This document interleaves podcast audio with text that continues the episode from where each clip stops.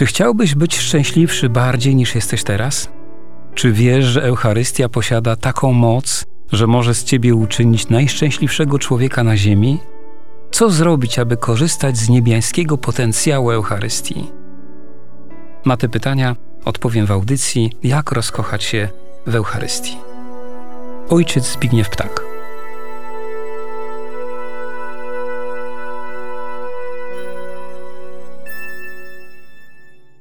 Dzisiaj, jak zawsze, nasze spotkanie rozpoczniemy modlitwą. Nie chcemy czynić tego, bo tak wypada, bo tak trzeba. Mamy przekonanie, i to coraz głębsze z pewnością, że modlitwa jest w stanie przysposobić nasze serca i umysły do lepszego korzystania z treści, których będziemy słuchać. Pragniemy to przekonanie w sobie ciągle pogłębiać. Jesteśmy przekonani, że mówiąc o Eucharystii, dotykamy wielkiej świętości, a nikt z nas nie jest godzien nawet pochylać się nad nią.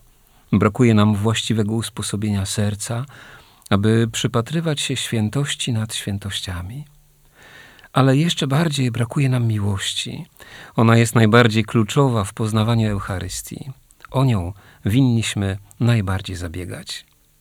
Nasza miłość w poznawaniu boskiej miłości jest tak ważna, gdyż tylko miłością poznaje się miłość. Dlatego módlmy się o taką miłość dla naszych serc, która pomoże nam choć trochę poznać miłość Jezusa Eucharystycznego. Wszechmogący Boże, ofiarujemy Ci krew Jezusa Chrystusa, krew wszystkich męczenników, cnoty i zasługi Jezusa, Maryi i wszystkich świętych, w połączeniu ze wszystkimi mszami świętymi do tej pory sprawowanymi i tymi, które do końca dziejów będą jeszcze sprawowane, w intencji naszej żarliwej miłości do Eucharystii, w intencji naszego głodu Eucharystią, w intencji naszego zadziwienia się Eucharystią. Niech Was wszystkich błogosławi Bóg Wszechmogący, Ojciec i Syn i Duch Święty. Amen. Najpierw, jak zawsze, przypomnienie tego, o czym mówiliśmy przed tygodniem. Czasami wydaje się nam, że gdy czytana jest Ewangelia, przypominamy sobie to, co w dawnych czasach Pan Jezus powiedział albo co zrobił. Jeśli tak myślimy, to może się okazać, że jesteśmy w błędzie. Dlaczego? Dlatego, że wówczas, kiedy czytana jest Ewangelia, tak intensywnie działa we mszy świętej Duch Święty, że ten Duch Święty niejako przenosi nas w czasie. My jesteśmy uczestnikami tego wydarzenia, o którym słyszymy w Ewangelii. Na oczach naszej wiary ta ewangeliczna historia zamienia się w wydarzenie, a my tak naprawdę uczestniczymy nie w słuchaniu Ewangelii, lecz w wydarzeniu, o którym mowa jest w Ewangelii. Teraz nasze zadanie polega na tym, aby tak mocno wejść w to wydarzenie, by odkryć, że w tym wydarzeniu tak naprawdę jest mowa o każdym z nas osobno, indywidualnie. Jeśli to odkryjemy, wówczas jest szansa, że nie tylko będziemy słuchać Ewangelii, ile będziemy spożywać to słowo.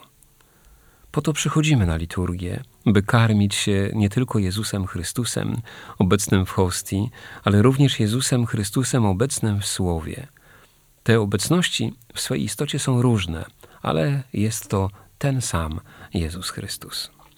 Dzisiaj powiemy kilka słów o homilii jako kolejnym elemencie liturgii słowa. Nauczanie Kościoła. W ogólnym wprowadzeniu do mszału rzymskiego na temat homilii znajdziemy takie treści. Homilia, będąca częścią liturgii, jest bardzo zalecana – Stanowi bowiem pokarm konieczny dla podtrzymania chrześcijańskiego życia. Winna być wyjaśnieniem jakiegoś aspektu czytań Pisma Świętego albo innego tekstu spośród stałych lub zmiennych części mszy danego dnia, z uwzględnieniem zarówno obchodzonego misterium, jak i poszczególnych potrzeb słuchaczy. Tyle Kościół podaje nam w numerze 65 tego dokumentu. Natomiast w numerze 66 jest uszczegółowienie treści związanych z homilią. Homilię winien w zasadzie głosić kapłan celebrujący.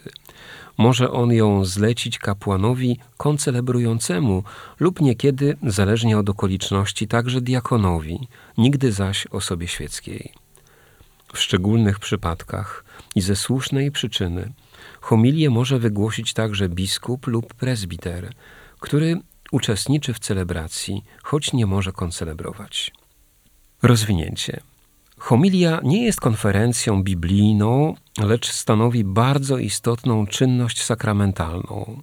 Jest ona pomostem, który wiąże teksty Pisma Świętego, które przed chwilą były proklamowane ze słuchaczami tego słowa w ramach ich życia oraz z ofiarą eucharystyczną.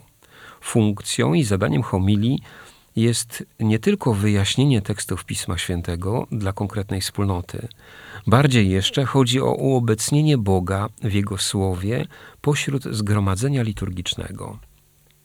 Papież Franciszek w pierwszej swojej adhortacji apostolskiej Ewangelii Gaudium pisze, że homilia przewyższa jakąkolwiek katechezę, stanowiąc najwznioślejszy moment dialogu Boga ze swoim ludem. Powinna ona wzbudzać zapał i nadać sens celebracji. Ojciec Święty postuluje w niej macierzyński język, serdeczną bliskość kaznodziei, ciepło tonu jego głosu, spokojny styl jego zdań i radość jego gestów.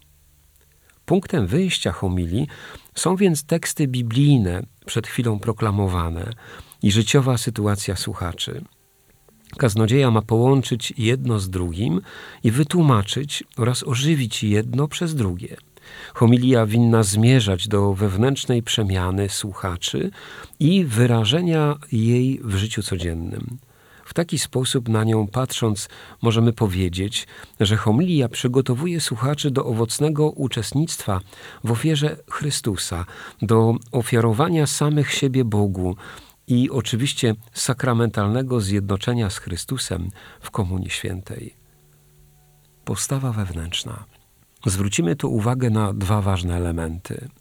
Pierwszym jest nasza modlitwa za kapłana. Trzeba ją z wiarą kierować, choćby była zawarta w jednym zdaniu, czyli w postaci aktu strzelistego. Czynimy to zanim kapłan rozpocznie głosić homilię, prosząc Ducha Świętego wewnętrznie w sercu o światło dla niego. Czasami tego czasu jest bardzo mało, Dlatego można to uczynić duchowym, modlitewnym spojrzeniem na kapłana. Do tej modlitwy warto dodać również krótką, prostą modlitwę w intencji wszystkich uczestników liturgii i siebie samego, aby serce skore było do słuchania. I to w taki sposób, jak czyniła to Maryja.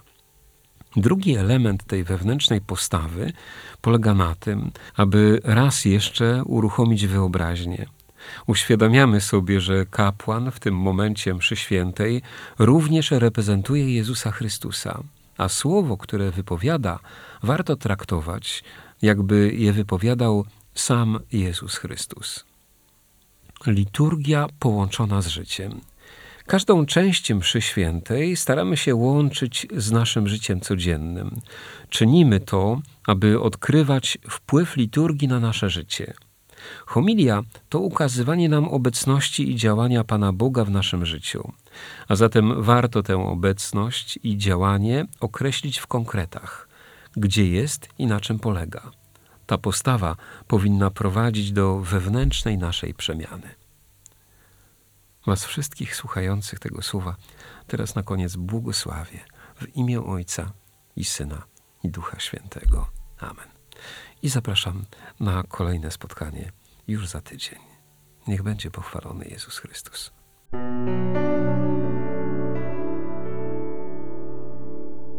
Czy chciałbyś być szczęśliwszy bardziej niż jesteś teraz? Czy wiesz, że Eucharystia posiada taką moc, że może z ciebie uczynić najszczęśliwszego człowieka na ziemi? Co zrobić, aby korzystać z niebiańskiego potencjału Eucharystii? Na te pytania Odpowiem w audycji, jak rozkochać się w Eucharystii.